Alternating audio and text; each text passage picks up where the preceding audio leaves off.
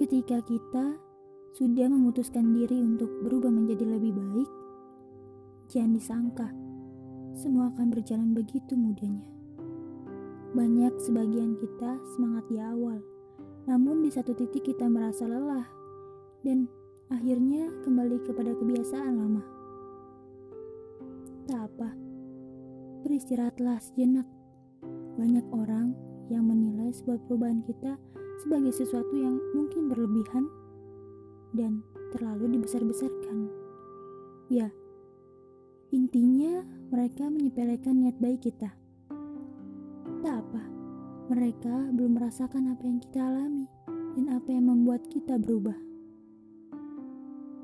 Pernah kamu sedih? Sedih atas kebiasaan yang membuatmu lelah? Sedih karena tidak ada yang mengajakmu meninggalkan kebiasaan itu.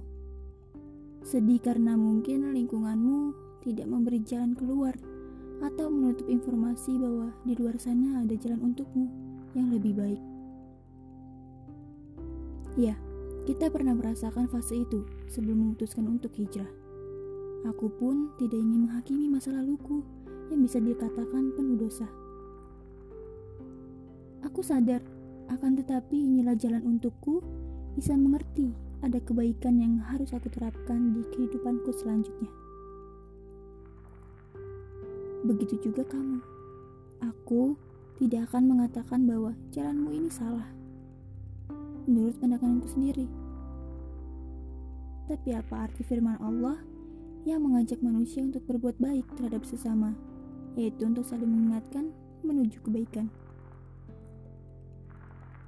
Bagaimana bisa kita memutuskan untuk menjadi lebih baik sedangkan tidak ada kesadaran akan kekeliruan dan kesalahan di masa lalu yang menimpa kita?